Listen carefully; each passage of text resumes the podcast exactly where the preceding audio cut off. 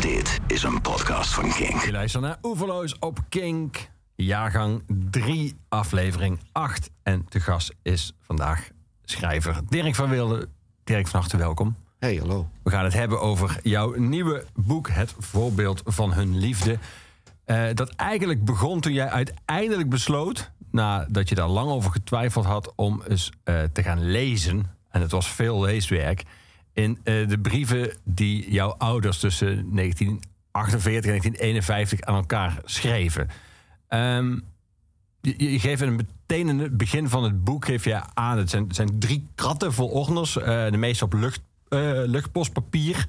Heel, van het hele dunne papier. Je, vrij- stel ook aan je dochter als je het laat vallen. Je hoort, je hoort bijna niks. Als je de hele stapel laat vallen. Het klinkt dat het van een hele van het crepachtige papier. Ja.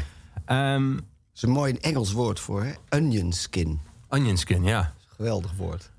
Hoe lang had jij die brieven? Hoe lang had je die brieven al? Nou, ik wist al als puber dat ze bestonden. Eh, omdat het gaat over mijn, de reis die mijn vader maakte in een soort tussenjaar al- als administratieve medewerker, oftewel schrijver heette dat, voor, volgens de rederij, aan boord van een koopvaardijschip. Eh, dat duurde anderhalf jaar en toen moest hij voor militaire dienst nog een jaar naar Indonesië. Gelukkig nadat het schieten was opgehouden. Maar hij was dus veel weg en hij. Ik wist dat die brieven er waren, want dat is het begin van de relatie tussen mijn vader en mijn moeder. En ook dat er een dagboek was. En er werden over, er, over die reizen vertelde hij natuurlijk sterke verhalen aan tafel. eh, vooral als er andere mensen te eten waren Ja. natuurlijk. En, eh, dus ik wist dat die er waren. Maar goed, toen gingen ze dood in 2001. Ja, je, we hebben eerst een half jaar eigenlijk uitgesteld. Omdat ze zo kort na elkaar overleden... was het nogal een eh, overrompelende ervaring. Dus eh, eigenlijk duurde het een paar maanden voordat we zeg maar, even weer een beetje eh, rustig genoeg waren om te bedenken van wat gaan we nou met al die spullen doen. Nou ja, je gaat dingen naar, een veilinghuis brengen. En je gaat dingen. Ja, op een goed moment zeg je: wil jij wat, wil jij wat? Maar er blijven dus al die persoonlijke dingen over. Waarvan je dus zeker weet dat je die niet weggooit. Maar wat wel? Dat is een vraag die je, nou ja, dat blijkt, uitstelt. Want eh, ik wist, omdat ik een schrijver ben, als ik dat één keer ga lezen, nou ja, dan heb ik er een noodlot bij. Daar moet ik iets mee. Het is gewoon, ja, moet je dat zeggen? Je bent geen knip voor je neus waard als schrijver als je het goud dat dat is niet ziet. Als je daar op de een of andere manier niet iets mee kunt. Omdat het echt, ja, het is, daar ben je van gemaakt. Ik bedoel, dat is de prehistorie van het gezin waaruit je komt. Ja. Zelfs, zelfs al ga je op basis daarvan eh, volkomen fictief te werk... maar dat je, dat, dat je daar niks mee doet, dat, dat is bijna... Dat is on, dan ben je onwaardig om je schrijver te, te noemen. Dus, maar, maar omdat ik dus andere plannen had... eh, en ook omdat ik nogal uit evenwicht was geraakt door de dood van mijn ouders... en de plannen die ik op tot dat moment had... eigenlijk allemaal in het water heb gegooid... en dacht, nee, nee, nee, nee, nee. Ik moet nu heel iets anders doen met mijn schrijverij. Eh, maar ja, zoals het bij mij gaat, dan heb ik meteen meerdere plannen en die wilde ik eerst uitvoeren. En omdat het uitvoeren van zo'n plan in mijn geval betekent. Nou ja, je hebt hooguit drie maanden per jaar om daar fulltime aan te werken. Dat betekent dat je de rest van de tijd moet je jezelf eh, floating houden. Gewoon dus door voor de kosten werken. Ik had jonge kinderen. Ja, het hè, dus ik ga gewoon heel stug die, die, die plannen uitvoeren. Goed, zijn we twee, drie romans en een, eh, en, en, en een paar essayboeken verder. Toen wilde ik eigenlijk, omdat, ik, omdat de huurmarkt was geliberaliseerd... en ik de huren zag stijgen en dacht, anders moet ik de stad uit. Ik moet hier weg, ik moet iets gaan kopen. Maar ja, hoe moet dat? Ik heb geen, nog nooit een baan gehad. Dus ik dacht, holy fuck, ik krijg nooit een hypotheek. Toen bood iemand mij aan en ze smeekte me eigenlijk... om in een zelfbouwcollectief te stappen.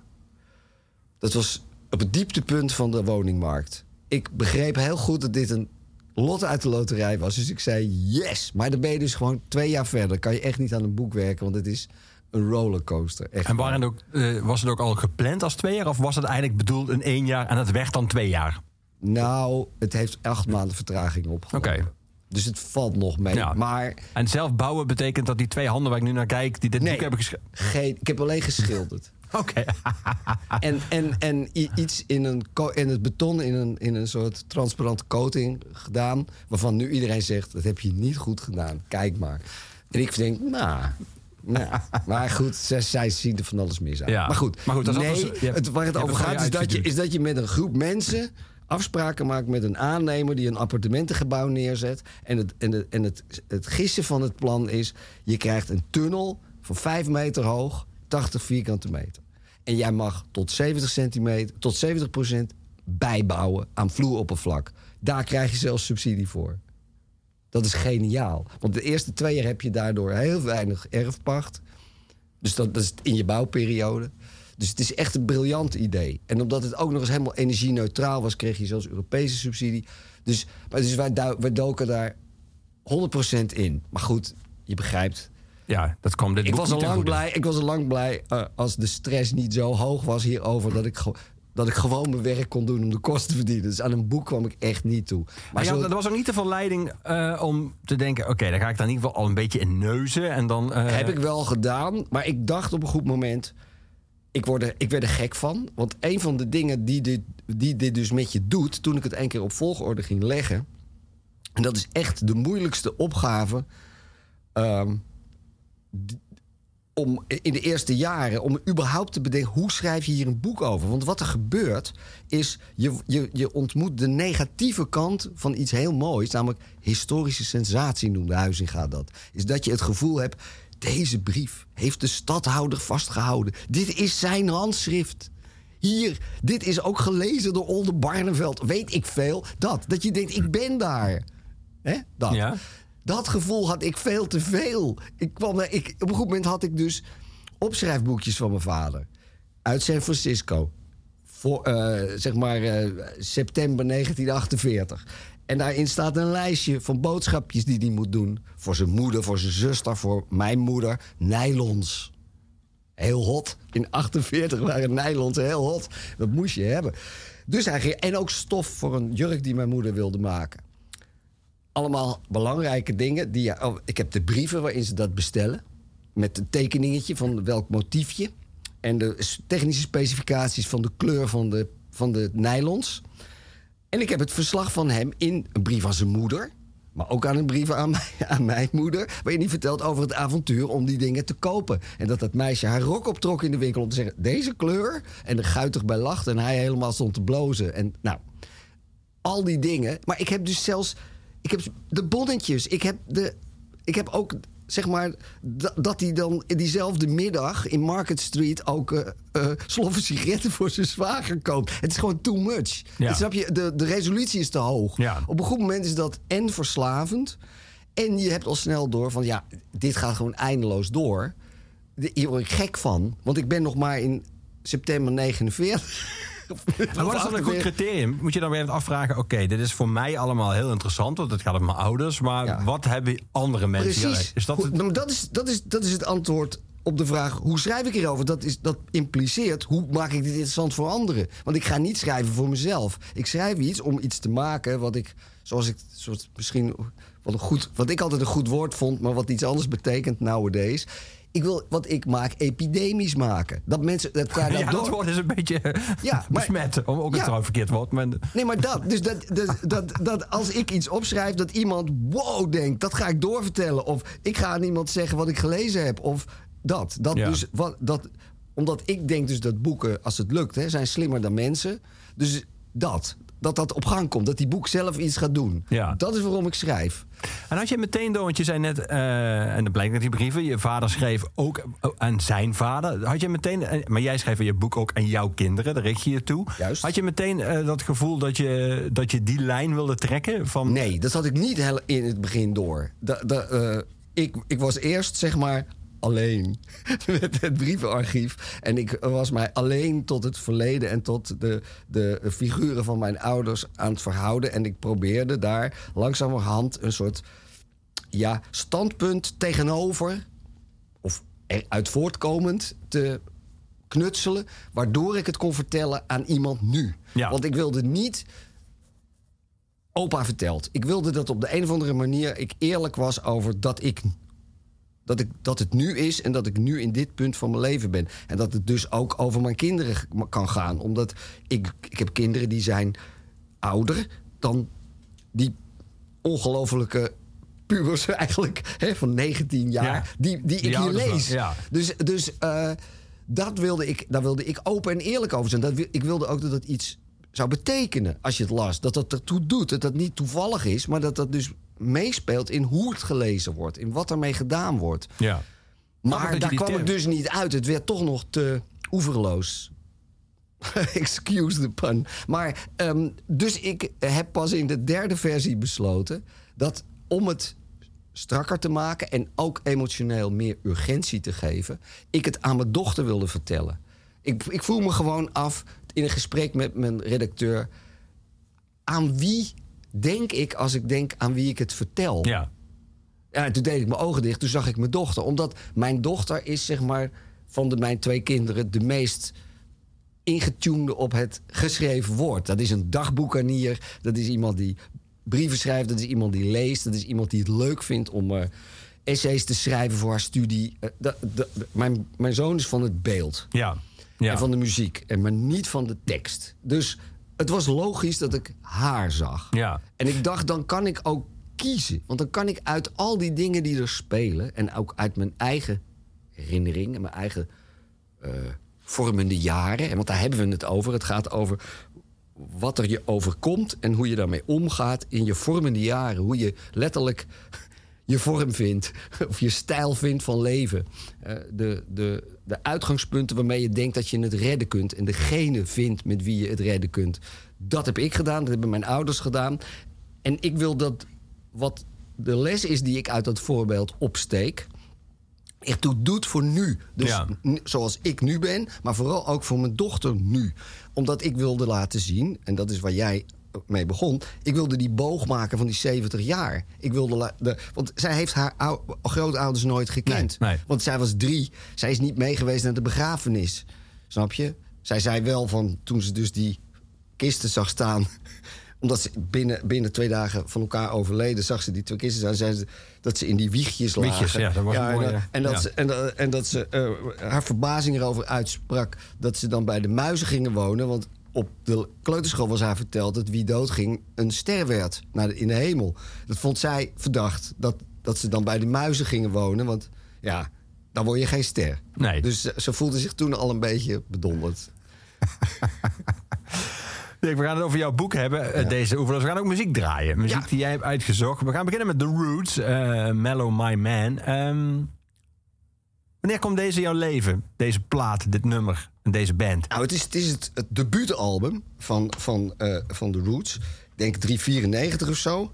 En ik was eh, in, eh, aan het logeren in Columbus, Ohio toen. Dat deed ik wel vaker, omdat een vriendin van mijn vrouw... die de familie woont daar. En daar waren we helemaal bevriend mee geraakt. En we een paar jaar achter elkaar gingen we daar dan in, in zomer naartoe. En kamperen, kanoën. Maar dan logeerden we dus soms een maand bij die mensen in huis. En er waren allemaal gasten over de vloer. En die werkte in een platenzaak. Dat was natuurlijk geweldig. In de zomer, iedereen heeft tijd zat, rond de platenzaak hangen. En de nieuwste dingen snuffelen die uitkomen. Dat was de, zo- de zomer ook dat, dat, dat Bex Odelay uitkwam. Wat natuurlijk ook geweldig is. Dus misschien wel het beste wat hij gemaakt heeft. Dus en ook The Roots, wat ik dus meteen geweldig vond. Want ik was altijd wel in de hip-hop van, vanaf eh, eind jaren tachtig. Weet je, ik had op vinyl had ik, eh, had ik Public Enemy en De La Soul en eh, Gangstar en zo. Dat vond ik allemaal geweldig. Eh, maar dit was toch gewoon een vrijheid. Wat ook weer, weer, weer eh, aansloot bij jazz. eh, waar ik in, in- op, de middelbare school en, en toen ik eh, net studeerde heel veel mee bezig was ook. Dus. eh, Je hoort er allerlei werelden samenkomen. ja, ja, en het was heerlijke muziek ook in de auto. Om hard te draaien. Roots. Want daar reden we, daar, daarna gingen we namelijk rijden door Amerika. Dat is altijd leuk. Ja. En dan zeker met zulke muziek ook, ja. Ja. We gaan naar luisteren. Mellow My Man van The Roots. Yes, the roots laying back, relaxing. Cooling out with my man Malik B, we call him slacks. And you know what I'm saying? We in effect. Mode like I'll be sure for your pleasure. Hey yo, bust it. We about to flip it on some old laid back, mellow my man tip. We gonna set it like this. Yo, check it. Bust it, lottie dottie. Who likes to party like slick Rick the ruler? I'm cooler than the ice brick. Got soul like those Afro pics with the black fist and leave a crowd tripping like John the Baptist. It's the cause of that. Oh shit, the skits I kick flows like catfish and got many MCs on the blacklist. I'm sharp as a cactus, plus quick to bust gymnastic tactics. Us roots is really true to that rap shit. Now holla to the scholarly streets, cast to follow me back to the soul shack where packs of rap colonies. Max that foreign objects is mad abstract. Make shot rack up in the one to go like me, Shaq Black. Thought the nappy got a bookworm, shoe styles like sperm. Cool as Malcolm Little with the conker line, perm burn. The earth sticks like wicks and flips when I slaps the hand of my mellow, my man Malik B. Here I goes, Negroes best to know the flower. The professional best to know skills that kill sober. Whoa, slow down before you go down. Sissy, this is Agatha Christie, you're slain and know now.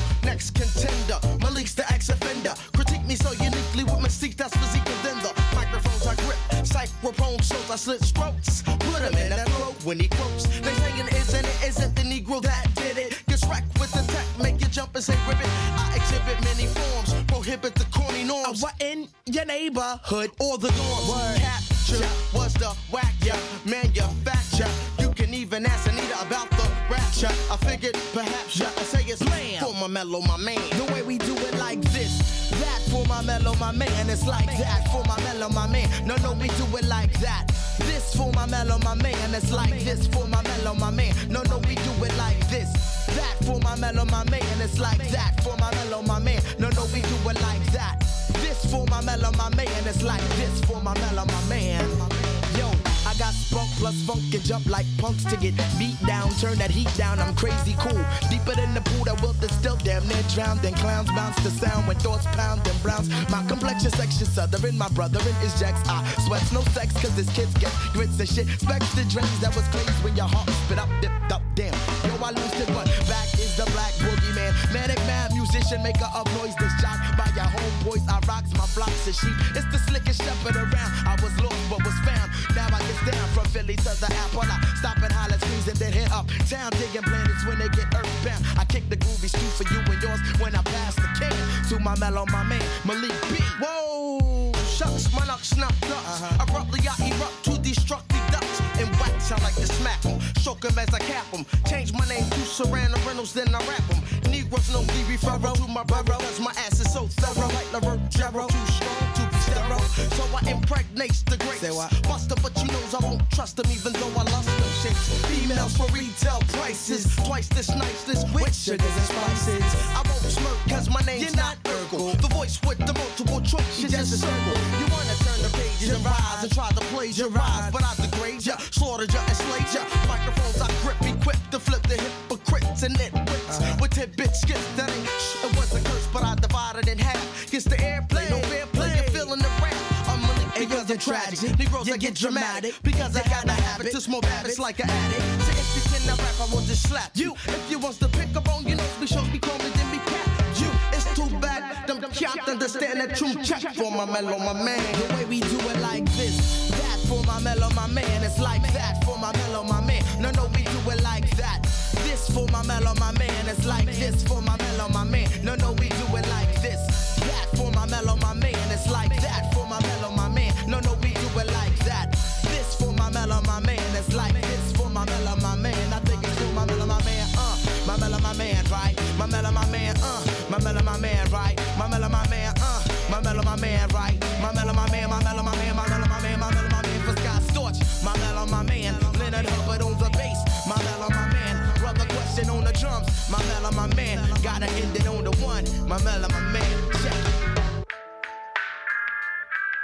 Ja, Dirk.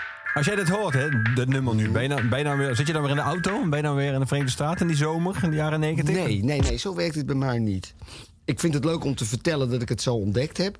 Maar als ik dat nu hoor, dan, eh, Zit je gewoon in Hilversum? dan zit ik erin. Dan zit, nou, dan zit ik erin. Dan, dan luister ik bijvoorbeeld deze keer heel erg naar eh, de, de heldere toon van die drums. En hoe goed die gestemd zijn. En hoe, hoe, je, hoe hij met die, eh, eh, die, die, ho- die hoogste ton de, de, de, de accenten in de zang ondersteunt. Of in de rap. De- daar geniet ik dan van. En de andere keer dat ik het hoor, let ik weer op wat anders. Dan op dat, dat, dat gekke geknepen trompetje-achtig uit, die, uit dat orgel. Weet, ja, weet je wel. eh, Als het goed is, net als dat je een goed verhaal herleest, let je weer op andere Ja. dingen. Ja. En eh, dat heb je met goede muziek ook. Ja. En dan ben ik echt in het moment van die muziek eigenlijk. Ja.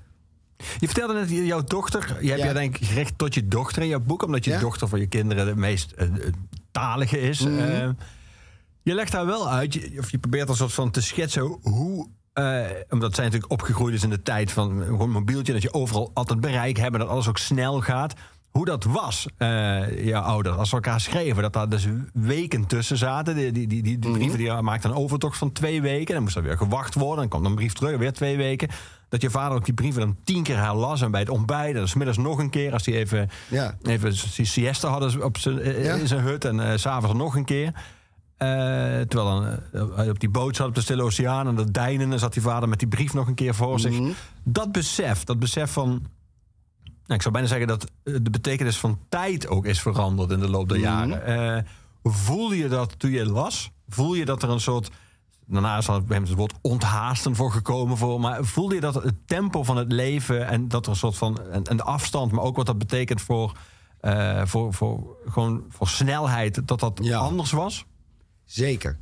Maar vanuit mijn standpunt als verteller ging het mij vooral om het inzichtelijk maken van dat die twee dingen van vertraging en afstand, dus door die afstand is er vertraging tussen het, het versturen en de ontvangst van de boodschap.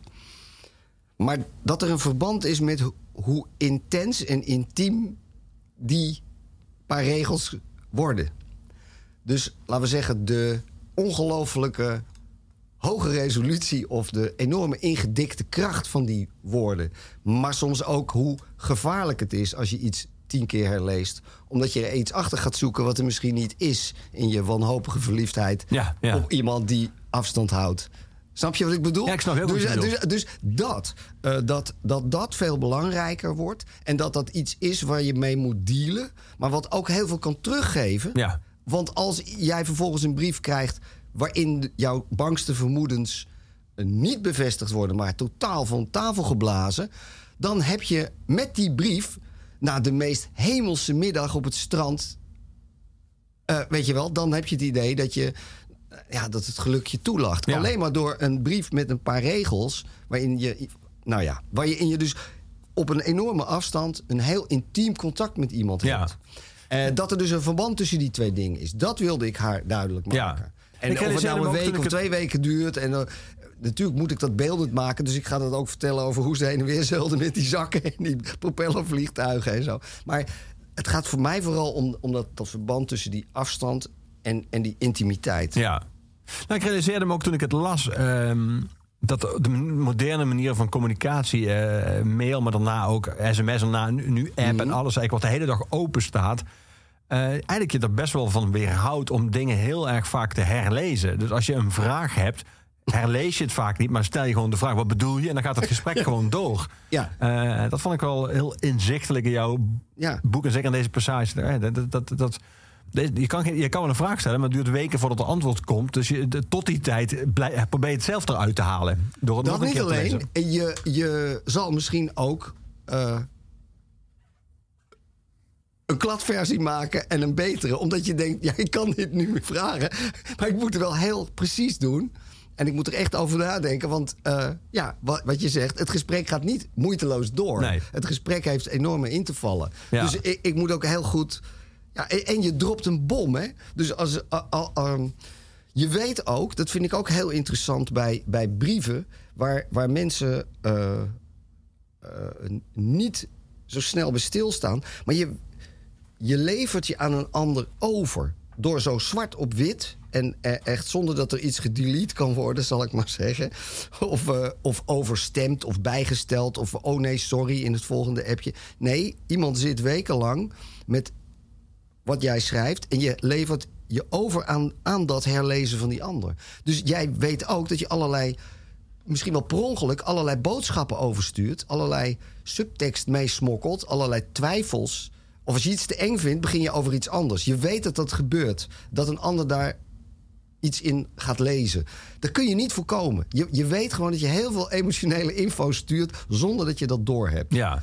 Eh, dat, dat heeft iets, ook iets heel. da- daarmee is het dus een enorm vertrouwelijk iets. Snap je? De, die intimiteit is niet gratis. Je, je, je, eh, je levert je over aan een ander. En omgekeerd ook. Ja. Want ze hebben ook nog de neiging, om, om, omdat ze zulke serieuze types zijn, om, om te zeggen van we gaan we zijn wel eerlijk tegen elkaar. Dus dat betekent ook van je moet je wel afvragen of het wel zuiver is wat je nu tegen die ander hebt gezegd. Ja. Ben je wel zeker dat de ruzie die je met hem hebt niet gewoon pure ergernis of wraakzucht is? Weet je wel, dat. Ze, ze proberen elkaar tot de orde te roepen. Ja. En omgekeerd, al vooruitlopend op dat oordeel, gaat mijn vader dan zeggen: Nou ja, ik weet wel dat ik. eh, Maar je zult wel zeggen dat, met andere woorden, dat schrijven, dat beleven ze zelf ook als een soort praten. Ja. Ze, zeggen, ze eindigen brieven ook heel vaak met... fijn, ik ben weer helemaal rustig van binnen. Nu ik met je gepraat heb. En dan denk ik, nee, je hebt iets opgeschreven... wat pas over een week verstuurd kan worden. De emotiecons bestonden Ja. in die tijd natuurlijk niet. Nee, maar de- maar er bestaat wel iets als ironie en stijlmiddelen die eh, een twist geven aan een Ja. zin. En wat ik opvallend vond, is dat jij schrijft dat je vader af en toe best wel jolig is. En dat- Terwijl er bijvoorbeeld best wel ernstige dingen gebeuren. Dat is een soort geweldsuitbarsting. Dat, vertelt hij, daar schrijft hij dan over. Ik zeg nu ook Ja. verteld, maar daar schrijft hij over eh, aan zijn ouders. En dan Ja. houdt hij zich groot. Maar dan, dat vond ik heel opvallend. Dan gaat hij mensen over zichzelf praten in de derde persoon. Ja, Dan zegt hij opeens, nee, Gerrit houdt niet zo van bloed en verband. Dus hij hield zich tijdens de West-West-scènes lekker op de vlakte. Dan krijgt hij een soort, maakt hij soort personage van zichzelf. Dat is wel echt interessant, Ja, vind ik. Die brieven aan zijn ouders... die zijn altijd getypt aan de schrijfmachine van de kapitein. Dus die, die doet hij zeg maar Dus die tussen bedrijven door. doet hij op kantoor, maar ook s'avonds met een borrel op. En omdat hij weet dat zijn moeder, zijn vader, zijn zus en zijn jongste broer het lezen, of elkaar voorlezen, nemen die dingen ook vaak de vorm aan van een soort cabaretachtige conferentie. Dus hij gaat zich bijvoorbeeld voorstellen de verjaardag van zijn moeder die hij heeft gemist. En dat hij dan zegt. En natuurlijk, tante Beb is er als eerste. En die zit met de kleffe handjes de hele tijd maar te wachten tot de gebakjes komen. En eh, dan en dan komt eh, de dominee. En die, eh, die probeert altijd vlak voor het weggaan nog een tweede sigaar te bietsen. En weet je wel, en die zit met de gebit te klepperen. En, en, en Dien, zijn moeder, die, zit, die wil dan gepast betalen bij de, bij de banketbakker die langskomt. En dat, dat, dat levert altijd gestres op om nog die laatste kwartjes te vinden in, in jaszakken. En, nou, dus hij, hij, hij heeft echt het idee van ik moet, ik moet, moet vermakelijk zijn of zo. Ja. En, daar, en, en onderdeel daarvan is dat hij dus dingen die hem eh, naar de strot vliegen... of waar, waar hij van, van streek raakt... dat hij dat eh, ja, een beetje bagatelliseert... eh, door, door, door de jolige draai aan te geven. En die ironie drijft hij soms zo ver door... dat hij dus inderdaad een soort slapstick van maakt... en zichzelf als een, als een der- in de derde persoon opvoert. Nee, daar heeft Gerrit geen zin in. Want hij, officieel was hij ook nog degene die met de verbandtrommel moest komen. Snap je? Ja. Dus hij, hij dacht, nou, pff, hij, moest, hij moest die... Hij zat de hele nacht bij die, die, die, die, die hofmeester die, die eh, achter zijn oor gesneden was... en waar het bloeden maar niet stopte.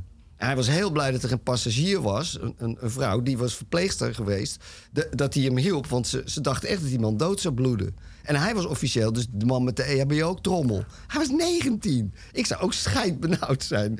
Dus ja, hij houdt niet zo van geweld en bloed dus, dus, en, en verband. Dus hij verstopte zich toen ze gingen schieten. Ja. Dus hij deed dit met, zijn, met de typemachine, want dan mocht hij die, of die kon hij niet voor gebruiken, omdat hij voor de. eh, Ja, hij was administrateur, hij de- ja. Precies, de schrijver, zoals dat dan eh, Ja. aan boord heette. Maar als hij schreven, hoe was zijn handschrift?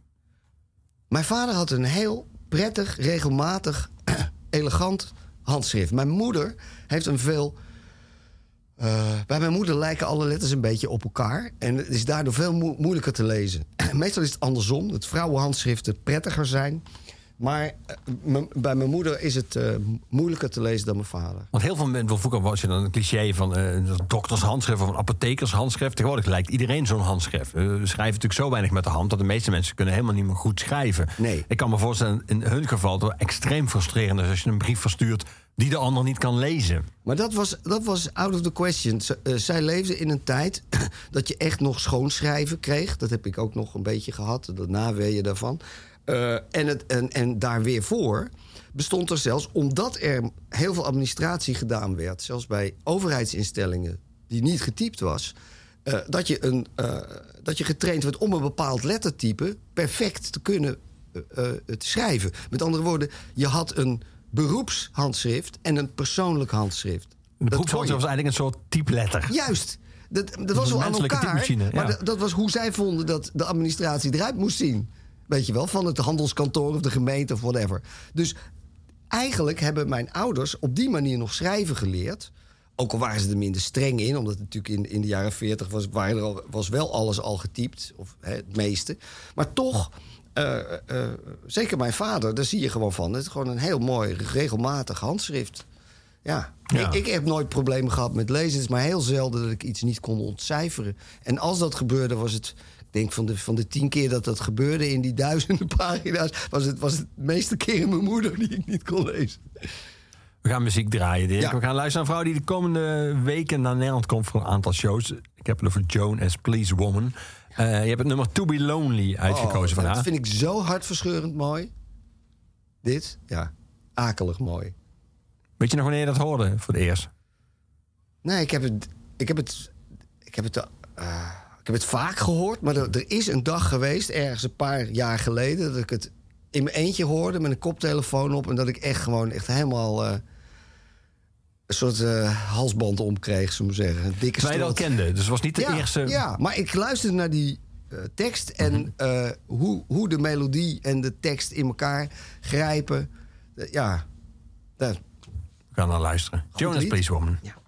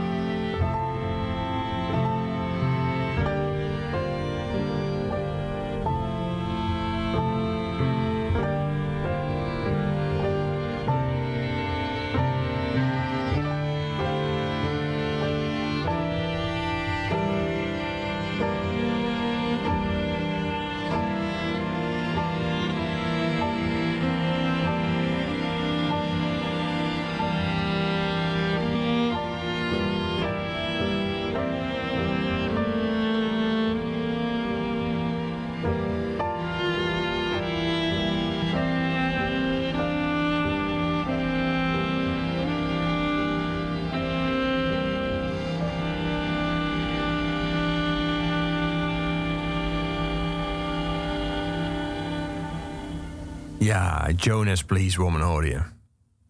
Je zei, het is ook zo bijzonder dat ze... Dat begin is heel lang, voor ze begint te zingen. Ja. Dat ze het al neerzet voordat ze het zingt. In- inclusief dus die, dat tussenstuk. Met dat, met eigenlijk, want ze, ze bezingt eigenlijk dus hoe, hoe verliefd ze is en eh, hoe, hoe fijn dat is. Ook, ook al is het inclusief het gevoel van eenzaamheid. Maar er zit natuurlijk eh, iets tussen wat, wat, wat helemaal mineur is. Wat onzekere luchten, donkere nachten. Wat het allemaal, dat wil zij allemaal van tevoren verteld hebben, puur in muziek. Dus dat hele ontwikkeling komt al voorbij. Ze zet het echt als in een sonate.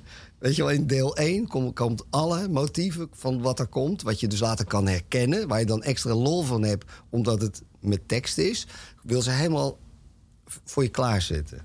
Ja, dat is, ja, dat is een klassieke manier van over muziek denken. Die zij heeft als altvioliste in een orkest Ja. opgedaan. Ja. Maar ze wilde een andere soort muziek maken.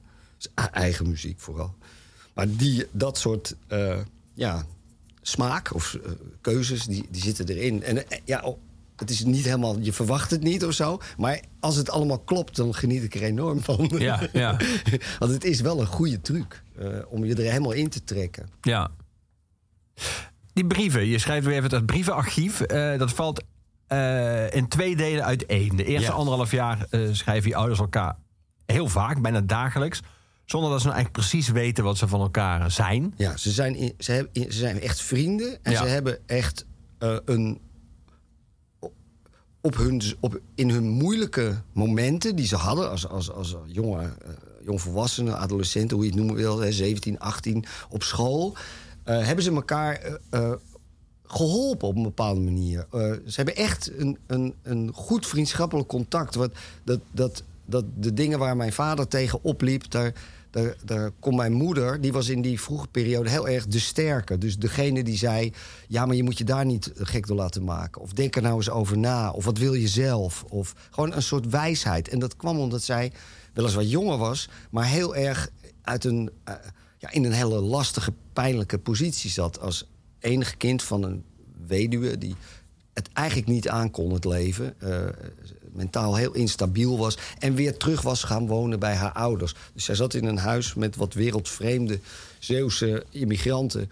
die eh, allemaal Zeeuws praten en, en zich niet echt overleefden aan een leven in Rotterdam. En haar moeder, ja, die kon het allemaal niet aan. Die beschouwde zij vanaf haar twaalfde, dertiende, vermoed ik, als een patiënte... voor wie ze eigenlijk ook moest zorgen, die ze in ieder geval heel erg moest ontzien. Dus haar eenzaamheid en haar, haar idee van ik moet dit overleven... maakte haar natuurlijk voor mijn vader, die wat zorgelozere achtergrond had... een wijs eh, eh, Ja. iemand. En mijn moeder die leerde hem ook luisteren naar klassieke muziek. Die, die, die, hij maakte geintjes over de, de gedichten of zo... Waar ze, die ze moesten lezen bij Duits of Frans of Engels of Nederlands. Maar mijn moeder maakte hem er bewust van hoe je dat op jezelf kon betrekken. Wat daar mooi aan was en wat je daaraan kon hebben. Dus ze hadden echt een, een diepe band. Die ook ging over dus de dingen waar ze allebei het moeilijk over hadden. Ja. Dus hij, zei, hij zei ook altijd van in die brieven en ook in zijn dagboeken... als dit niks wordt, dan nog steeds hoop ik dat ik jou heb als mijn vriend. Want jij bent echt mijn kameraad. Ik heb jou nodig als ik het moeilijk heb. Ja. Dat was heel aandoenlijk. Eh, eh, ook wel weer een soort berekenend gedrag natuurlijk. Kun je er achteraf ook in zien. Want hij was toen nog bezig haar te overtuigen van ik ben marriage material, weet je wel. Ja. Terwijl zij zoiets heeft van nou dat ik ben heel jong en eh, jij bent een beetje een, een, een losbol in haar ogen, in ieder geval van haar familie. Eh, die hebben het allemaal een beetje makkelijk. En eh, ja, ik moet nog maar zien of jij echt wel serieus iemand Ja. bent die ik nodig heb. Want zij had een plan. Mijn moeder had echt een plan met haar leven. Zij wilde absoluut niet in de positie komen van haar moeder. Hè? Dus eh, zeg maar dat het leven te zwaar en werd en dat ze eronder zou bezwijken. Zij dacht, ik moet dus een eigen baan hebben. Ik moet een vak leren. En ik, dat was in, in die tijd natuurlijk best wel bijzonder. Want als je dat als vrouw al dacht, dan wist je ook... dat er heel weinig voor nodig was... of dat werd je weer uit handen geslagen. Ja, de ja. maatschappij was tegen je. Als je bij de overheid ging werken, zelfs als je goed was opgeleid... dan was dat zomaar voorbij als je, zodra je ging trouwen. En ze had dus een man nodig die haar daarin steunde. Ja. En was hij zo'n man? Dus A, voor zichzelf kan zorgen... en een, een respectabele huisvader met een baan. En, en, en- maar tegelijkertijd iemand die haar zou steunen om, Ja. om dat plan. Ze wilde moeder worden, Ja. maar ze wilde ook werken. Ze wilde- dat was dat eerste deel. Ja, Eh, eerste anderhalf Eerste jaar. anderhalf jaar. En daarna, eh, komt, daarna weten ze wat ze voor elkaar. Dan Ja, in, die, in die zomer worden ze echt smoor Ja. verliefd. Als hij terugkomt, dan staat ze op de kade... waarvan zij zelf zegt... ik wist niet helemaal precies waarom ik daar moest gaan staan... maar het moest. Ja, daar wil ik het zo over hebben. Maar waar ik nog benieuwd naar ben... eh, je zei net, hij schreef haar brieven die Ja. eerste anderhalf jaar. bijna dagelijks. Maar dat is ook zijn dagboek. Ja. Ehm, wat me interessant lijkt is dat jij kon checken achteraf... over wat hij schreef, eh, wat hij schreef correspondeerde met wat hij dacht. En ik ga altijd vanuit dat je in een dagboek echt eerlijk bent. En Dat is, maar dat is een modern idee, of laten we zeggen, dat is een, een uitleg van wat een dagboek is, die daar niet geldt. Dat dagboek is van begin af aan geschreven als een tekst waarvan hij weet dat die gelezen gaat worden door zijn familie en naarmate de tijd vordert, door haar. Oké. Dus hij begint ook haar aan te spreken. Of hij begint zijn moeder aan te spreken. Oh, Dien, zegt hij dan. Ik wou zo graag dat je bij me was. Want jij bent de enige die me begrijpt, zegt hij dan. Overigens het is interessant. eh, hij, is, is dus in de jaren dertig opgegroeid. Eh, eh, maar hij noemt zijn ouders bij hun voornaam. En je en jij. Echt heel opvallend, ja. Ja, dus, dus hij is, zeker met zijn moeder... die eigenlijk vrij kil was naar hem. Of althans, niet letterlijk, maar hij... hij, hij hij had, ze had iets onverschilligs over zich, weet je wel. Ze, eh, eh, eh, zij, zij zag hem niet. Nee. Maar hij was toen nog heel erg ervan overtuigd van... mijn moeder is de enige die me begrijpt. Maar de- hij, hij begint ook gewoon tegen haar te, te, te praten in dat dagboek. Maar... En, dat- en soms heeft hij het over jullie. Dus hij gaat er gewoon vanuit dat dat gelezen wordt. en wat ook opvallend is... dat wat de drempel om te schrijven is wel laag in dat dagboek. Dus dat betekent dat hij ook heel vaak behoorlijk aangeschoten zit te schrijven. Dat je totaal niet snapt wat hij bedoelt.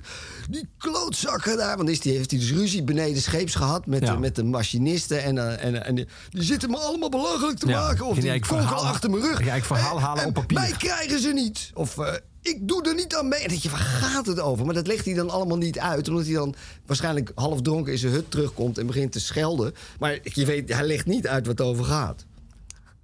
Als jij dat tweede deel leest, hè, dat deel dat ze elkaar, eh, dat ze eh, die scène in de kade is geweest. En daar gaan ze ook natuurlijk fantaseren over hun toekomst en de verloving en de fiets. Ja. En ik was wel benieuwd welk gevoel nou bij jou jou dominant overviel. Het gevoel dat eigenlijk twee verliefde mensen die in het begin staan van hun leven samen Hmm. en waar die allemaal over fantaseren, dat dat eigenlijk niet verandert in de loop der jaren. Afgezien van dat de, de fiets wordt dan misschien een auto en de schrijfmachine wordt een laptop en, eh, maar, dat soort praktische details. Of had je juist het gevoel van, oh, dat, daar waren mensen vroeger mee, dat zou nu heel anders zijn bij twee jong verliefde mensen. Nee, ik denk dat dat alleen maar erger is geworden. Dat samen fantaseren over bijna het dus denken dat het te plannen valt. Eh, voor hun bestond dat fantaseren over een verloving en een leven samen. Voor meer dan de helft bestond dat uit, uit overwegingen die te maken hebben met, hadden met het inpassen in die families. Te zorgen dat het zeg maar sociaal oké was. Dat ze ergens konden wonen. Dat is natuurlijk heel ingewikkeld, hè? woningnood. eh, Dus waar zouden ze wonen? Zou, zou, eh, hoe was dat feest? Eh, eh, eh, de een verwacht, hè, deel van de familie verwacht iets. Daar kunnen wij niet aan voldoen of dat willen we niet. En die anderen moeten zich weer niet buitengesloten voelen. Dat zijn de problemen. Dat is denk ik van alle tijden. Maar wat van de dag de dag denk ik belangrijker is... is gewoon meer de, de zakelijke... Ja, moet je zeggen, bijna, bijna, bijna financieel-economische planbaarheid van het leven. We gaan sparen, dan gaan we dat doen, dan gaan we, dat, dan gaan we na een tijdje het huis verkopen... en dan gaan we groter wonen met daar. mm, eh, Dat. Dus de maakbaarheid van het leven. Die, zij dachten in dat opzicht niet zo ver vooruit. Wat er ook mee te maken heeft... dat mijn vader nog steeds helemaal niet weet... wat hij nou moet gaan doen in het leven. Nee, mijn nee. moeder heeft een vak. Mijn moeder, mijn moeder zit op een school, die wordt, wil maatschappelijk werkster worden. En, en, en zij, heeft, zij loopt stage in weeshuizen. Zij wil iets doen aan de klote levens van die verwaarloosde, mishandelde eh, kinderen. eh, eh, die, die, die of uit huis geplaatst zijn of geen ouders meer hebben. Ja. En dat is een missie, weet je wel. Dat is gewoon duidelijk. En daarvoor studeert ze allemaal psychologie, sociologie, pedagogiekboeken. En daar toetert ze de hele tijd over. En daar, heeft ze, daar put ze ook allerlei ideeën over. eh, uit, over het huwelijk en hoe dat moet. En hoe man en vrouw in het verantwoorde middenspel... eh, daar nader tot elkaar kunnen komen... zonder dat, zonder dat de erotiek tot eh, platte lust vervalt. Tot dierlijkheid. Nou ja, dat werk. Weet je wel? Waar mijn vader natuurlijk heel erg om moet lachen. Want die zit, die, die zit op zo'n schip en die... Ja, die, die ja, dus die mannen zijn natuurlijk Ja, alleen maar bezig met, met iedere dierlijkheid haven, en met- ja, ja, precies. Dus, nou ja, goed. Dus, ehm, eh, maar mijn vader weet dus dat totaal niet wat hij gaat doen. Dus de- laten we zeggen dat de, de planbaarheid van het leven, waar je naar vraagt, hè, van, die, die was eh, eh, heel laag bij hun. Zeg. Ja. Hij kon niet zoveel vooruit denken. Hij moest echt nog bedenken, stel dat ik hier... Hij was ook nog een tijdje bang dat hij naar Korea werd gestuurd. Hè? Ik bedoel, het, eh, het is na de soevereiniteitsoverdracht in Indonesië. En die, die jonge staat, die, er is nog een staatsgreep plaats van die Westerling. En weet je wel, ik bedoel, allemaal bizarre eh, toestanden, chaos. Nou, dat land is natuurlijk eh, in opbouw. De, die, die hebben nog heel veel niet voor elkaar. De hele, Europese, of de hele wereldgemeenschap bemoeit zich ermee. Er komen de Amerikanen bemoeien zich ermee, de VN-troepen. Mijn vader is bang dat met het uitbreken van de oorlog in Korea... dat het Nederlandse leger zegt... oh, dan sturen we er ook nog wel wat eh, dienstplichtigen Ja, ja. naartoe. Dus hij denkt, dan ben ik weer een jaar langer van huis. Ik wil naar huis. Zo onzeker is het. Ja. Maar wat, wat, ik, wat het gevoel is wat, mij over, wat bij mij overheerst als ik dat lees... dat is dat je daar heel goed kunt zien... de, de fundamenten van de bond die zij smeden. Zij gelooft dat hij die man is die haar kan steunen om zo'n leven te leiden... als hij maar voor zichzelf een vak kiest... waarmee hij een respectabele baan eh, enzovoort enzovoort kan regelen. Hij is heel erg bezig om haar te vragen wat dan, hoe dan. Hij gaat cursussen doen. Hij gaat eh, cursus recht doen bij, bij, bij de, de LOI, weet je wel. En eh, hij, hij leest heel, heel braaf Elsevier's Weekblad om op de hoogte te blijven. Hij leest veel boeken. Ook vaak boeken waarvan hij weet, daar kan ik met haar over discussiëren. Boeken van bijvoorbeeld Pearl Buck. Hè, weet je wel, dat was toen super populair. Dat waren boeken eigenlijk die, werden geschreven door een missionarisdochter uit China. En zij was heel erg bezig met de positie van de vrouw in China. De onderworpen positie van de vrouw in China. Waar zij, waar zij dus boeken over schreef, hoe pijnlijk dat was. En het boek waar ze het meeste over hebben gediscussieerd... was het boek waarin eh, het leven wordt geschetst van een eh beeldhouwster... die probeert een gezin te hebben naast haar leven als kunstenaar. Daarover, dat leek me fascinerend. Mijn vader is 20, het is 1949, 50. Maar hij gaat met mijn moeder over dit boek discussiëren. Omdat dat dus iets is wat tussen hun speelt. Ja. Dus hij, hij laat zijn goede wil zien, Ja, snap je? heel erg. Ja. Ja. ja, nou, dat is het bondje. Dat ze elkaar eigenlijk in elkaars zwakste punt steunen. Hij is onzeker, een beetje stuurloos. Ja. Eh, zij dwingt hem om eh, zijn act together te krijgen en eh, een pad uit te zetten. Hij deels voor haar, om in haar ogen voor vol aangezien te worden, gaat hij dat ook doen. Hij neemt zich voor, ik ga studeren in Leiden. Als eerste uit zijn familie ging hij naar de universiteit. sociologie studeren. En zij denkt, nou, mijn zwakste punt is dat ik die twee rollen wil combineren. Dat kan ik niet alleen. Dat gaat hij doen. Dus en dat is dus wat een hele mooie bond, zeg ik maar zeggen. Die dus heeft gewerkt totdat mijn vader uit elkaar begint te vallen. Ja. In, in, in eind jaren zestig. Ja. Waar, waarin die eh, eh, ja, eigenlijk eh, ja, in een, in, aan alles gaat twijfelen. In een wereld terechtkomt waar hij waar die het gevoel heeft dat hij dat het, dat hij nou, misschien nog niet intellectueel, maar meer sociaal eh, ja, niet gelukkig in is. Waar hij niet in kan aarden. Waar hij ook van denkt: ik, ik kan dit niet meer rijmen met het gezinsleven wat ik heb. Het is zo'n andere wereld. eh, dat, eh, dat hij daar heel ongelukkig van werd. En vast. Hij wist niet meer hoe hij dat moest stoppen. Ja. En hij nam zichzelf dat falen zo kwalijk. dat hij dus gewoon echt in een, in een pijloze depressie verzeild raakte. En echt een tijdje suicidaal is geweest. En Ja. dus ja, echt jaren bezig is geweest om weer eruit te krabbelen. Dan Dat heeft mijn moeder als een enorme teleurstelling ervaren. Die op een rare manier. Ja, ze hebben het natuurlijk wel weer bijgelegd of zo. Ze hebben wel, zijn samen doorgegaan. Omdat ze echt, ja, laten we zeggen, even los van het eh, mannetje-vrouwtje, echt om elkaar gaven. Maar dat is, een- dat is een teleurstelling geweest die, zij, die ze nooit echt te boven is gekomen. Nee. Zij heeft ook het idee gehad dat, dat daardoor iets in haar leven voorgoed knakte. En eh, omdat zij daar ja, alleen gelaten werd met een, met een zeg, verantwoordelijkheid voor het gezin. De, terwijl we zouden het toch samen doen. Ja. Dan kan je natuurlijk iemand niet kwalijk nemen die depressief is. Maar eigenlijk deed ze dat wel. Ergens van binnen deed ze dat wel. Zo van, godverdomme, ik kan op jou niet rekenen. Dit was het plan ja, niet. Ja. Ja. weet je, want dat was de deal niet tussen Ja, ons. precies. En, eh, en iets vergelijkbaars had ze met haar werk dat gewoon werd afgeschaft. Ja. Dus eh, eh, dat, dat waren de dingen waardoor, waardoor ze elkaar echt verloren of zo. In een bepaald opzicht. Ze hadden ook een hele goede tijd hoor. Ook toen ze ouder waren. eh, hebben ze e- echt wel. eh, eh, toen mijn vader min, zeg maar met pensioen ging of bijna niet meer werkte. hadden ze echt wel een hele goede tijd samen. Maar eh, dit, dit was altijd op de achtergrond. Dit trauma, zeg Ja. maar. Gaan we daar nou iets uitgebreider over praten. Ik wil eerst muziek draaien. Ja. Ja, We gaan naar Ron Sexsmith luisteren met het nummer For a Moment. Eh, waarom deze? Waarom dit nummer? Omdat, dat is interessant. Eh, ik luister naar hele weirde muziek, die ik allemaal niet kan spelen. Maar er is een, een heleboel muziek waar ik af en toe naar luister, die eigenlijk op mijn repertoire staat.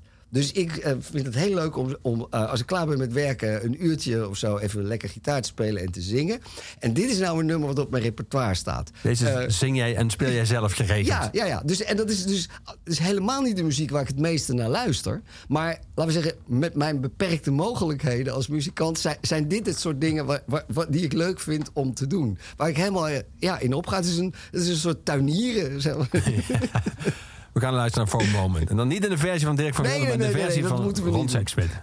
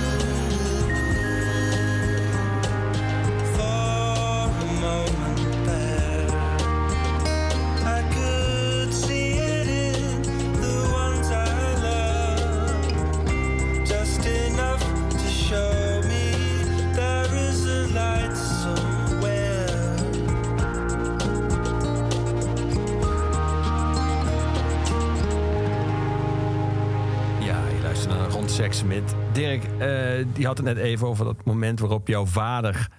eh, waarop het slecht ging met jouw vader. Eh, Mhm. je, je schrijft in een boek daarover...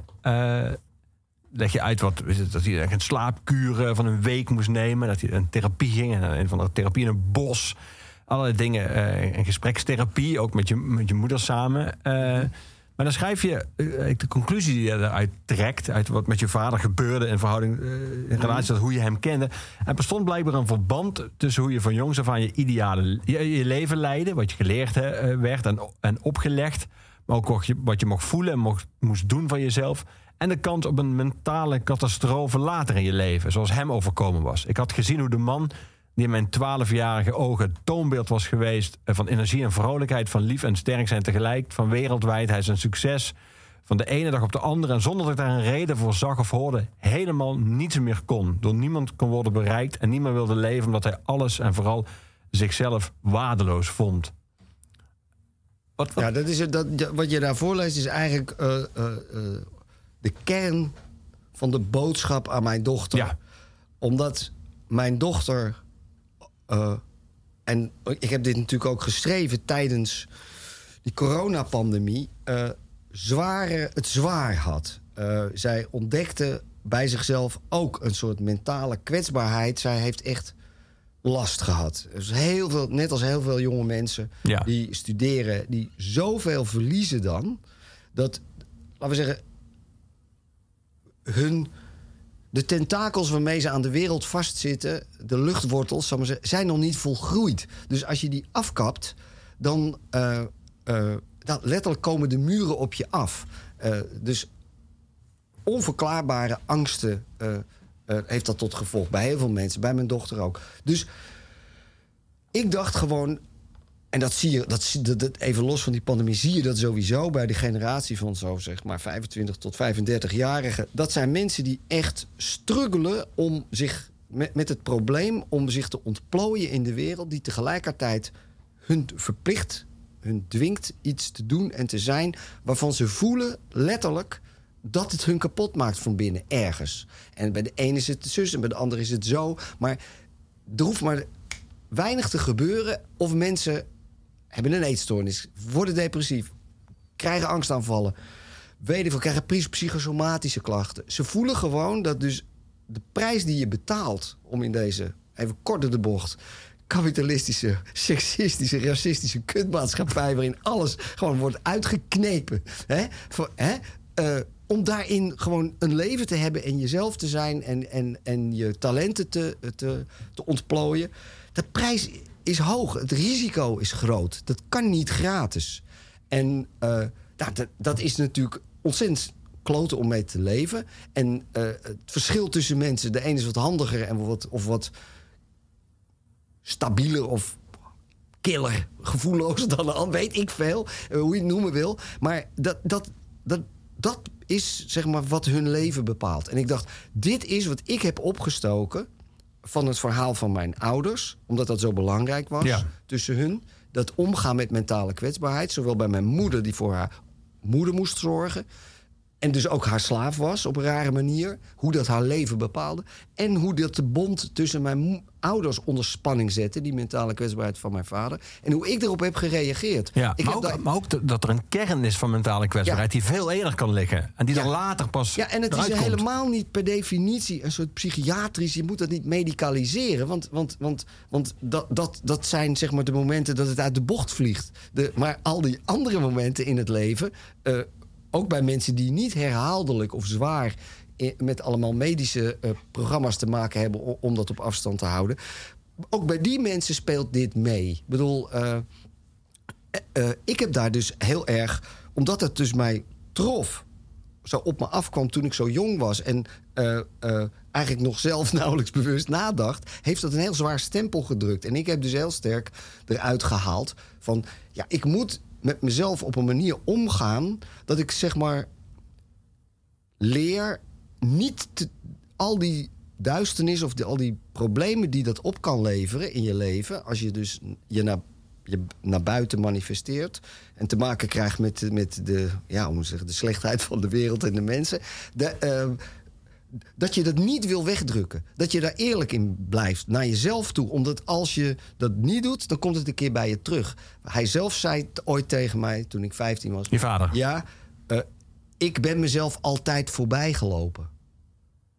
En toen, in mijn hoofd was dat dus zoiets van je, jezelf. Dat is als het ware je tweelingbroer. Je bent met hem in een grote wereldstad. Het is heel spannend en avontuurlijk. Het is ook gevaarlijk, het leven. En je dumpt hem. Je ditcht hem. Je, je laat hem zitten ergens. Je, je, je ontdoet je van hem. En je verraadt hem. En er komt een dag, dan staat hij voor je deur en dan pakt hij je terug. Want dat kun je niet doen. Weet je, tweeling. Dat was toen het beeld wat jij daarbij had. Ja, juist. Zo. Wauw. Dus, dus ik dacht, ik Een moet hele zorgen. sterke, meta, heel sterke vergelijking eigenlijk. Ja, maar ik vond het dus, het was dus ook spooky. Ik bedoel, Ja. het, het gevolg is dus dat ik gewoon, zeg maar, met, met vrienden op school een, eh, een eh, collectief vormde om tentoonstellingen te organiseren. En, en, en muziekavonden en poëzieavonden en theater. En we gingen, we gingen het, het hele oeuvre van Paul van Nostaaien als theatershow opvoeren, weet je wel. Maar zodra er een jongen was die zei. Nu hebben we eh, zoveel succes. Het gaat zo goed. Het wordt te groot. We moeten, we moeten gewoon nu een bestuur met een penningmeester en statuten. En dan de, ik heb nog zo'n hamer. Toen wilde ik eruit. Snap je? Ik dacht, oké, nu, nu is het, gaat het niet meer om jij en ik. Nu gaat het niet meer om een soort vertrouwensband. Nu gaan we het veruiterlijken. Nu gaan we regels. En er gaat dus iemand mee fucken. Iemand gaat onterecht de baas over de kast spelen. Iemand. Snap je? En toen dacht ik, oké, ik kap ermee. Overdreven reactie. Maar, maar in mijn gevoel is dat allemaal uit die angst geboren. Van hier, hier krijg ik stress van, gewoon. Om het heel lullig te zeggen. Hier, hier krijg ik buikpijn van. Dat gaan we niet doen. Want eh, kijk maar waar dat toe kan leiden. Met, als- met als gevolg dat ik dus overal altijd met één been buiten stond. Ja. Dat heeft ook nadelen. Mijn vader noemde mij dus sociaal debiel. Om deze. eh, eh, Pedagogisch niet de, de meest verantwoorde manier om het te duiden, denk ik, maar wel maar- duidelijk. Ja, hij, het was, en ik, toen hij het zei, snapte ik helemaal niet wat hij bedoelde natuurlijk goed. Dat kwam pas later dat ik dat in ging zien wat hij bedoelde. Misschien was dat het bewijs van het gelijk. Ja, ja maar daarom, maar, ik bedoel, het feit dat het me zo stak, dat, dat, dat kwam omdat ik het niet goed begreep. En daarom, dat was inderdaad de reden daarvoor dat het me zo stak. Was hij, hij zegt iets wat waarschijnlijk waar is, maar ik snap het niet helemaal. We gaan naar Steve Earle eh, luisteren. Oké. Waarom hij? Welke... Nou, Tenny Town, dat is nou zo'n fijn vertellend nummer... wat weinig mensen eh, horen. Is, eh, eh, hij zingt over het uitstapje van een colored boy... die naar de andere kant van het bos gaat. En daar is een, een dorp waar het levensgevaarlijk is... voor zwarte jongens om te komen. Maar hij wil er een keer naartoe... just to see what I could see. En hij wordt meteen in een, komt in een gevecht. Maar hij zegt... There's four of them and I can't fight, but I got my old Randall knife. I cut that boy and I never did look back. Dus hij in een paniek trekt hij een mes, snijdt die jongen, rent weg.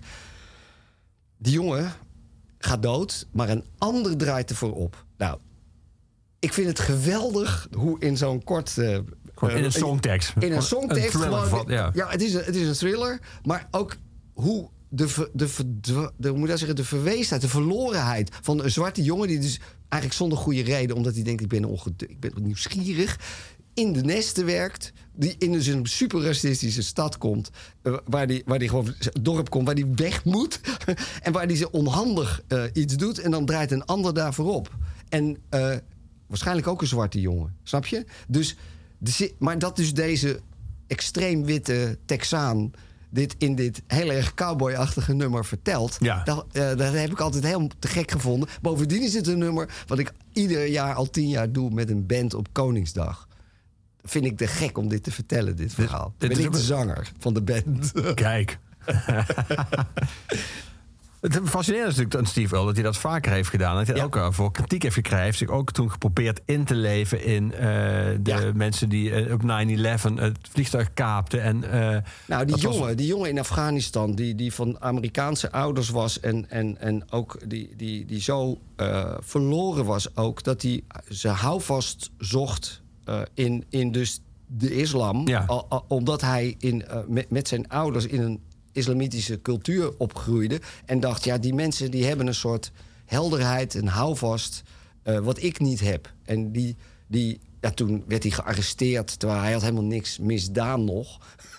Zover was het helemaal niet gekomen. Maar eh, eh, ja, hij, hij, I'm just an American boy, Ja. zegt hij. Het is wel fascinerend dat hij daar toen uh, zoveel kritiek op kreeg. Omdat het toch een soort misverstand is als Het je was toen probeert... wel heel paranoia sfeertje. hè, ja, van- het was misschien, uh, zoals sommige grappen die zeggen, too soon. Ja. Eh, ja, maar ja, natuurlijk zou ook kunnen zeggen... het is de, de, de wezenstaak van een kunstenaar om proberen je in te leven... en een soort van empathie... Ja. Ja, en en in kunst Earl, om te Earl is typisch iemand die gewoon echt naar de, naar de, naar de diepte afdaalt. En daar probeert in de, in de echt bas- basiservaringen van mensen. eh, eh, een soort heldere orde in te scheppen. Ik bedoel, over, over de homeless. Hè? I'm, I'm invisible. Hè, An angel bending down. Ook een, ook een nummer wat ik graag doe. Ook op Koningsdag?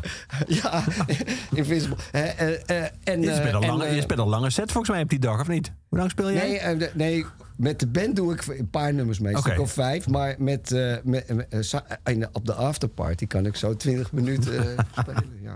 We gaan hem luisteren. Hier is Steve Earle. ja.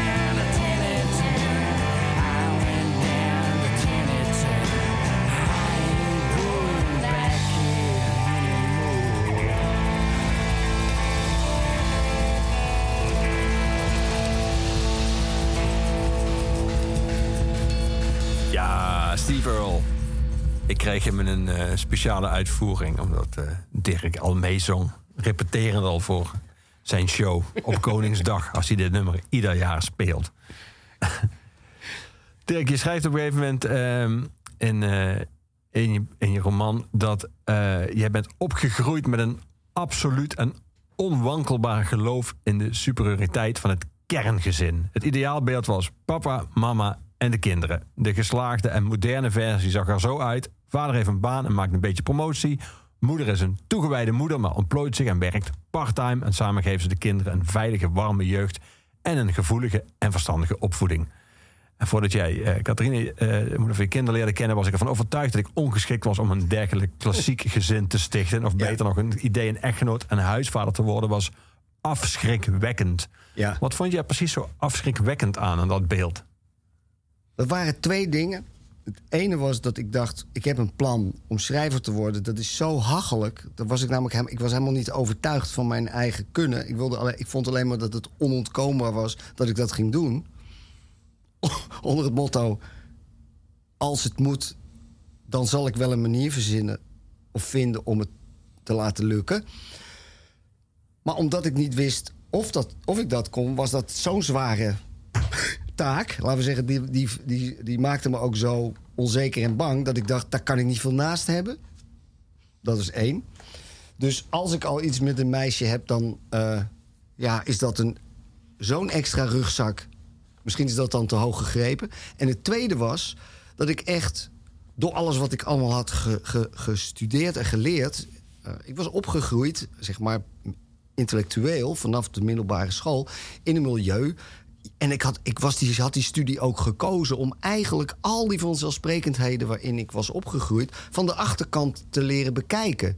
Dus om ehm, juist al die eh, denkpatronen en die, die oordelen over wat goed en verstandig en, enzovoort was eh, eh, in, in de wereld en dus juist ook in je persoonlijk leven. Want ik leerde het verband zien tussen al die quasi-privé-oordelen en zeg maar de maatschappelijke structuren waar die eh, zo de, de, de uitwerking van waren. Ja. Eh, en ik zat dus ook nog eens in een tijd dat er, dat er echt radicaal gedacht werd. In de zin van. eh, ehm, eh, eh, eh, ja, eh, ik bedoel, eh, Marcuse, eh, eh, Bakunin, Marx, eh, Foucault, eh, opsluiting en uitsluiting. En heel veel feminisme eh, om mij heen. Eh, met, eh, al die boeken las ik en ik praatte daarover met die vrouw. Dus ja, ik had echt zoiets van. dat- is gewoon dat maakt mensen. Dat zijn dwanggedachten, daar moet je niet in willen leven. Eh, je bent niet van elkaar. En zelfs als je zeg maar, kinderen zou willen, dan, dan hoeft dat niet een soort vast programma op te leveren waarin, waarin je moet leven of zo. Die, die dingen die, ehm, die verschillen misschien per. Er zijn heel veel verschillende manieren om te leven. En ik vond gewoon eh, dat, eh, ook omdat ik dat rugzakje had, zeg maar, dat, dat, ik, dat het waarschijnlijk voor mij een heel slecht plan was om daar, om daar op te rekenen. En al helemaal niet dat het beter zou zijn. Nee, afschrikwekkend dat woord gebruiken. Ja. Eh, hoe ging het vervolgens? Vond je het eerst bij nader inzien minder afschrikwekkend en gebeurde het daarna? Of gebeurde het en vond je toen het eenmaal zover was... Nou, ik zou je eerlijk, inzien ik zou je eerlijk vertellen, Leon, er gebeurde iets wat nog veel en veel enger was. Namelijk, ik leerde mijn, de liefde van mijn leven kennen. En dat, die was zo anders dan ik... dat de eerste paar jaren ik echt het gevoel had dat ik binnenste buiten werd gekeerd. Eh, ik kon niet bij de weg, omdat ik echt heel erg dol op haar was. Maar het was echt heel zwaar om elkaar te leren kennen en te leren begrijpen. En wat we voor elkaar voelden om te zetten in een soort, ja, zeg maar, gemakkelijke omgang met elkaar. Eh, eh, eh, ja, dus laten we zeggen. het vinden van een soort soulmate en het bedenken van hoe je er met elkaar leeft, dat was zo veel eisend. En daar ging ik zo totaal in op dat toen dat één keer gebeurd was. En we dertien jaar later bedachten we dat we misschien ook kinderen konden krijgen. Ik wil niet zeggen dat ik mijn hand er niet voor omdraaide. Maar zo vreselijk eng vond ik het toen helemaal niet. Nee, nee, nee. Ook omdat we dus helemaal niet eh, eh, het idee hadden. Kijk, en wat erbij kwam. was dat waar ik ook nooit rekening mee had gehouden toen ik alleen was en dacht ik word nooit, ik ga nooit een gezin stichten, was dat toen ik één keer een vrouw vond met die, met die ik heel te gek vond, dat de hele wereld tegen ons was. Snap je wat ik bedoel? Dus daar, daar- daar word je natuurlijk al meteen een stel van. Vooral je moeder. Ook, Je ja. beschrijft op een gegeven moment hoe je moeder eh, over eh, je- de grote liefde van jouw leven dacht. Een ordinaire golddikker zonder intellect of stijl. Die mij met haar seks manipuleerde. En nu komt iets wat mij natuurlijk buitengewoon trof. En nog katholiek en Limburgs ook. Ja, een proletarische vampier. vampier ja. ja. Die mij als vrouw en partner niets te bieden had. ja. Dat is nog wel een eh, afwijzing van de Ja. schoonmoeder in spe. Ja, maar goed, we hebben het dus hier over een 18-jarig meisje met een zwaar Limburgs accent. Die gewoon eh, eh, in de ogen van mijn moeder op geen enkele manier aan de dag legde dat ze iets wilde doen aan het feit dat ze, zeg maar, met eigenlijk alleen een, lagere schooldiploma eh, op straat stond en geen plan had. Zo grappig Snap je wat ik bedoel? Dus ja, ik snap ook wat je bedoelt, maar ik vind als je even dus je in haar... Toen zij zo oud was, had zij dus eh, eh, een plan om te ontsnappen aan die onmogelijke situatie waarin ze zat. Ja, en ze had wel een ijzeren wilskracht dat die je de- zweep over zichzelf legde. En dat, dat. En grappig dat je nu zegt de scheep, zweep over zichzelf legde. Want eh, zoals jij over jouw moeder praat, zoals zij over Mhm. jouw vader praatte en dacht, lijkt heel erg op zoals ze over jou, jouw geliefde praat. Namelijk, ze- je moeder had niet alleen een plan voor zichzelf, ze had ook een plan voor de ander. Die moest laten zien dat hij aan haar plan voldeed. Nou, voorwaarden scheppend. Dus eh, het was, het- ze zag het echt als een soort van... eh, jij moet jouw kant van het verhaal. En dan moet je doen zoals jij wil. Maar het is wel zo, wat ik nodig heb. Wa- wa- Wat, wij met elkaar afspreken. En zij zag in mijn vrouw... Mijn huidige vrouw, toen was dat dus mijn vriendinnetje... die Ja. ik net een half jaar kende...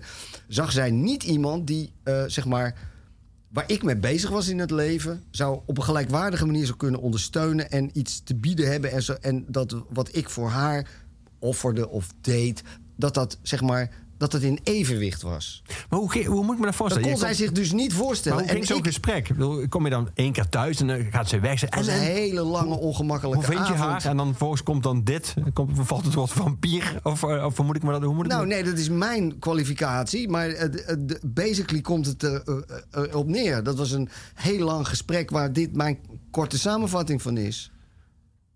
En ja, ik. kijk. ehm, de, ehm, kijk, wa- wa- wa- waar, waar, waardoor ik gewoon ook over dit onderwerp ophield met mijn moeder te praten. Want ik heb, want er zijn, er zijn dus 13 jaar tussen dat avondje, zou ik maar zeggen, of dat weekendje. En dat ik, dat ik, dat ik kan zeggen dat, eh, dat ze zwanger is van een, haar toekomstige kleinzoon. Ja.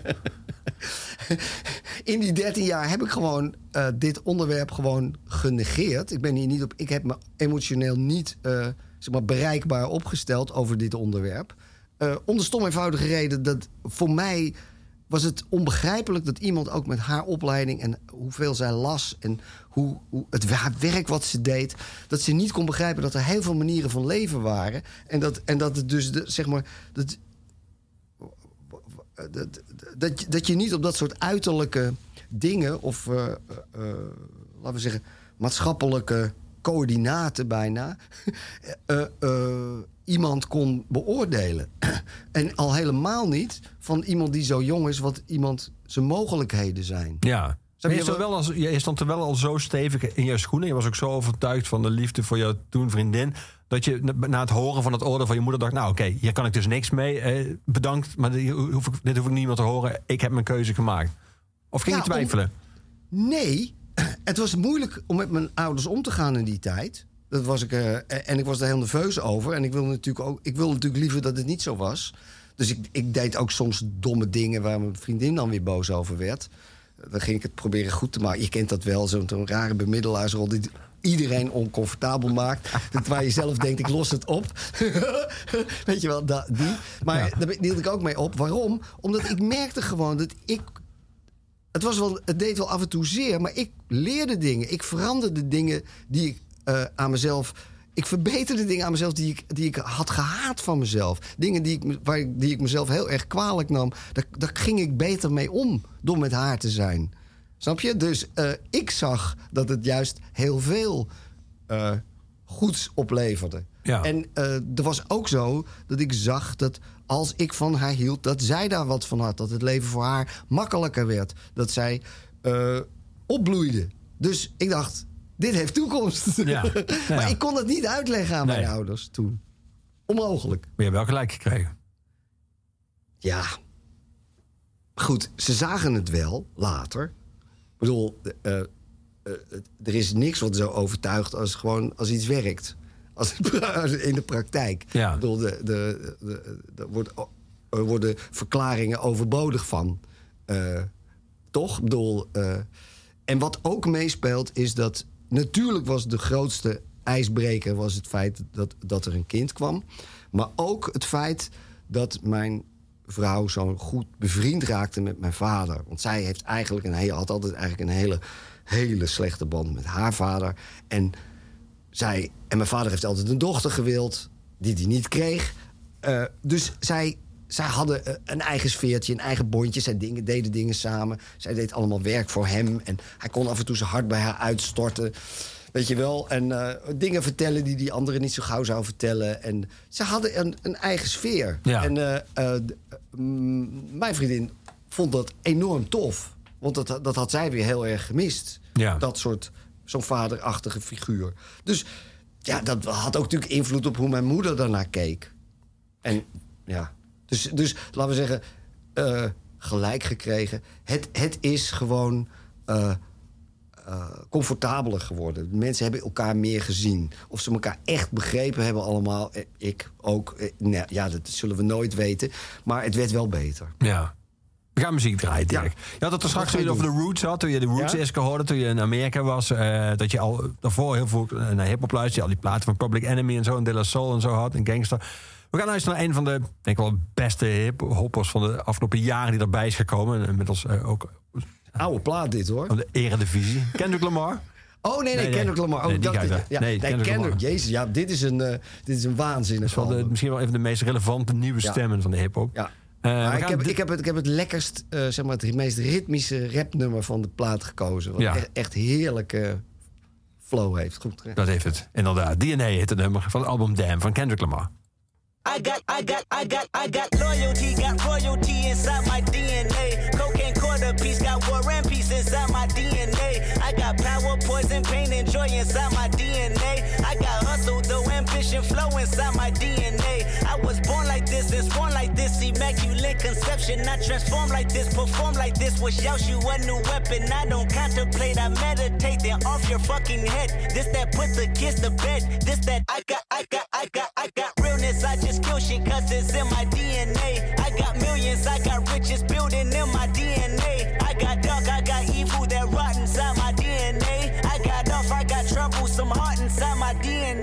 I just win again, then win again like Wimbledon I serve. Yeah, that's him again. The sound the engine in is like a bird. You see fireworks and Corvette tires skirt the boulevard. I know how you work, I know just who you are. See, use a, use a, use a bitch. Your hormones probably switch inside your DNA. Problem is, all that sucker shit inside your DNA. Daddy probably snitch, heritage inside your DNA. Backbone don't exist, born on side a jellyfish I gauge. See my pedigree, most definitely don't tolerate the front. Shit I been through probably offend you. This is Parlor's oldest son. I know murder, conviction, burners, boosters, burglars, ballers, dead, redemption, scholars, fathers dead. With kids and I wish I was fed. Forgiveness, yeah, yeah, yeah, yeah. Soldier's DNA, born inside the beast. My expertise checked out in second grade. When I was nine, on sale motel, we didn't have nowhere to stay. At 29, I've done so well, hit cartwheel in my estate. And I'm gon' shine like I'm supposed to. Antisocial.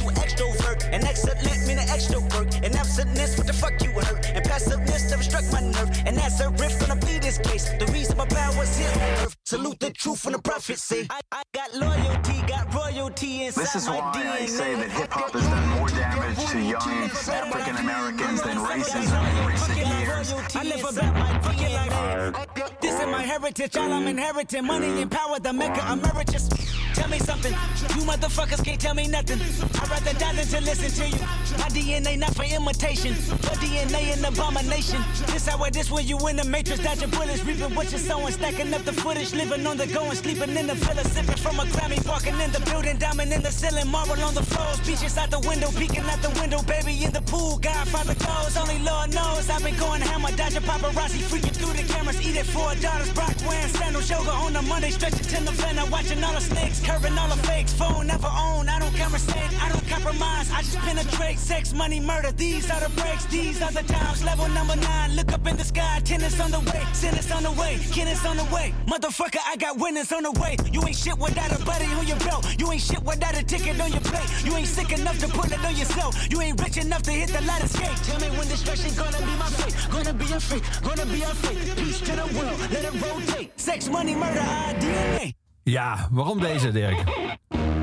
Nou ja, gewoon om te beginnen is het, is het, is het, is het, is het natuurlijk gewoon up there. Het is gewoon ongeveer de beste, beste rap die je, die je kan hebben. Maar wat ik echt schitterend vind, is de dwingende manier waarop hij gewoon eigenlijk zijn luisteraars verleidt om ja, ja, bijna leven, levensbeschouwelijk eh, eh, eh, je open te stellen voor wat er allemaal om je heen en achter je rug al in het leven is voordat jij je eigen plannetje of je eigen mening of je eigen, eigen wensen uit. En dat dat, dat speelveld. Eh, ja, dat, dat, is, dat is geschiedenis, dat is familie, dat is, dat is eh, eh, biologie. En hij zegt gewoon, kijk daarnaar, stel je daarvoor open. Hij maakt er ook geintjes over. Hij schept op, oh, I've got loyalty in mijn DNA. Weet je wel? Maar alle verschillende manieren om daarnaar te kijken... doet hij je eigenlijk voor in, in, in, in wat is het, vier minuten. Ja. En, en dan ook nog zo ongelooflijk dwingend in zijn in zijn vertelstijl en in zijn ritme. Vind ik gewoon geweldig. Ja, die Ja. hele plaat is fantastisch, net als die daarvoor. Ja. Maar eh, ja, het, ik, ik weet niet, het, eh, het, het, het, het mooie van, van, van, van eh, zwarte muziek is vaak... De, die mensen die voelen echt de plicht om iets over de, om, over de wereld te zeggen... Wat, wat niet samenvalt met hun persoonlijke beslommeringen.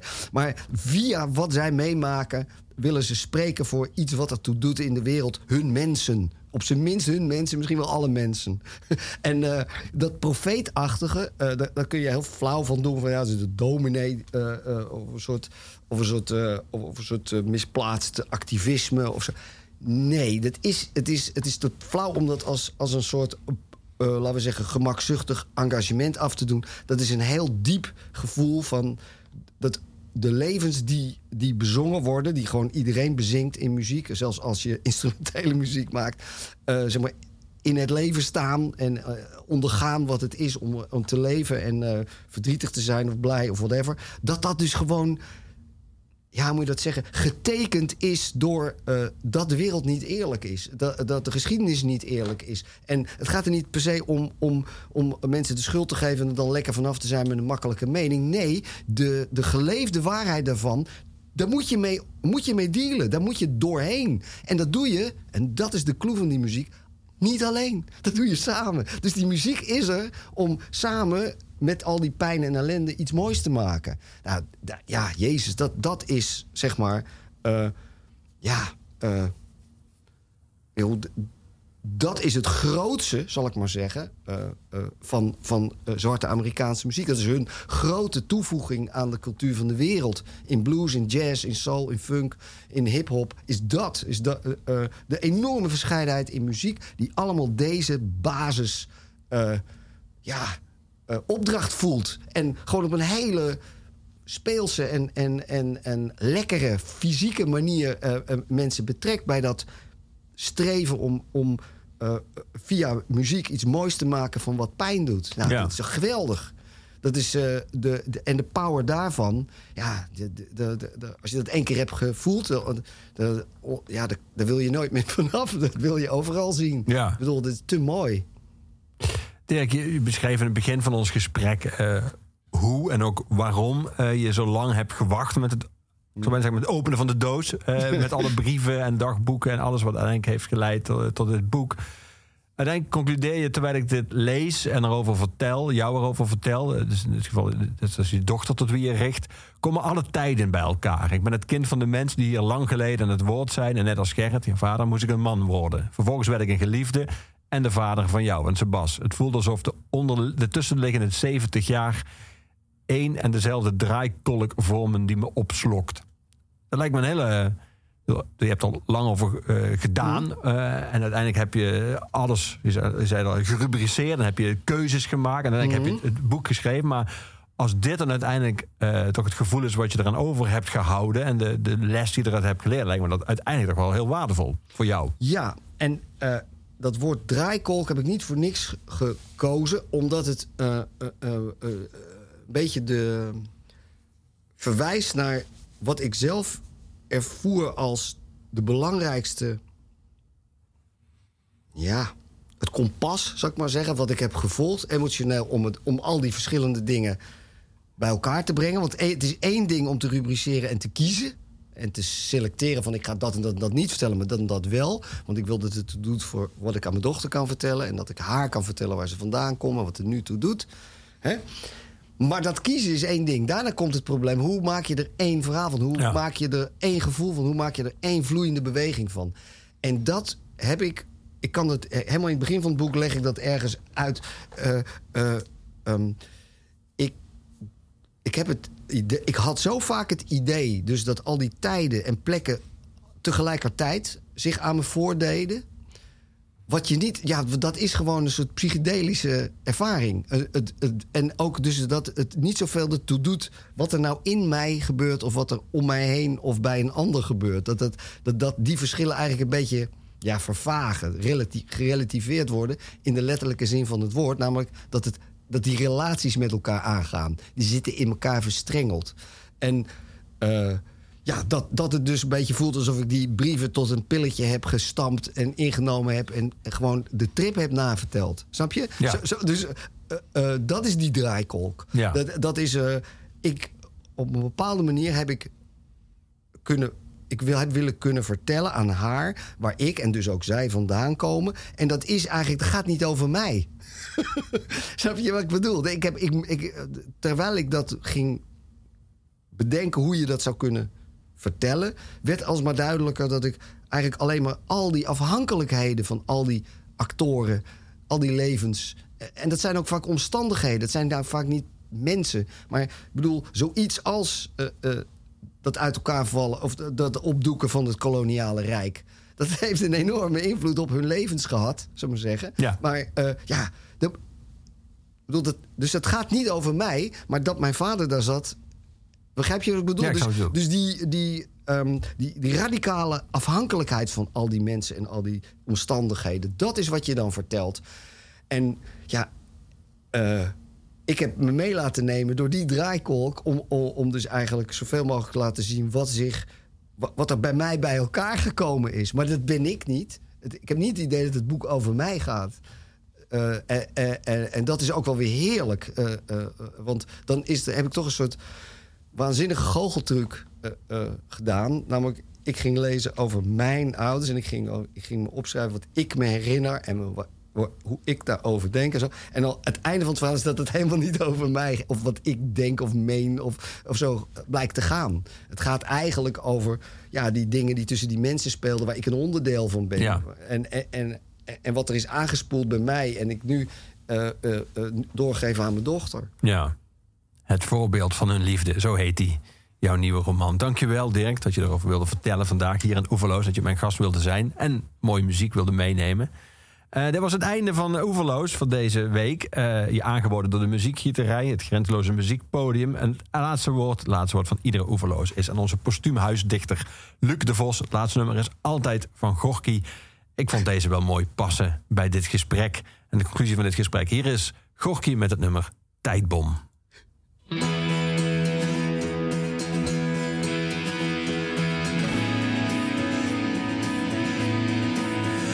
Er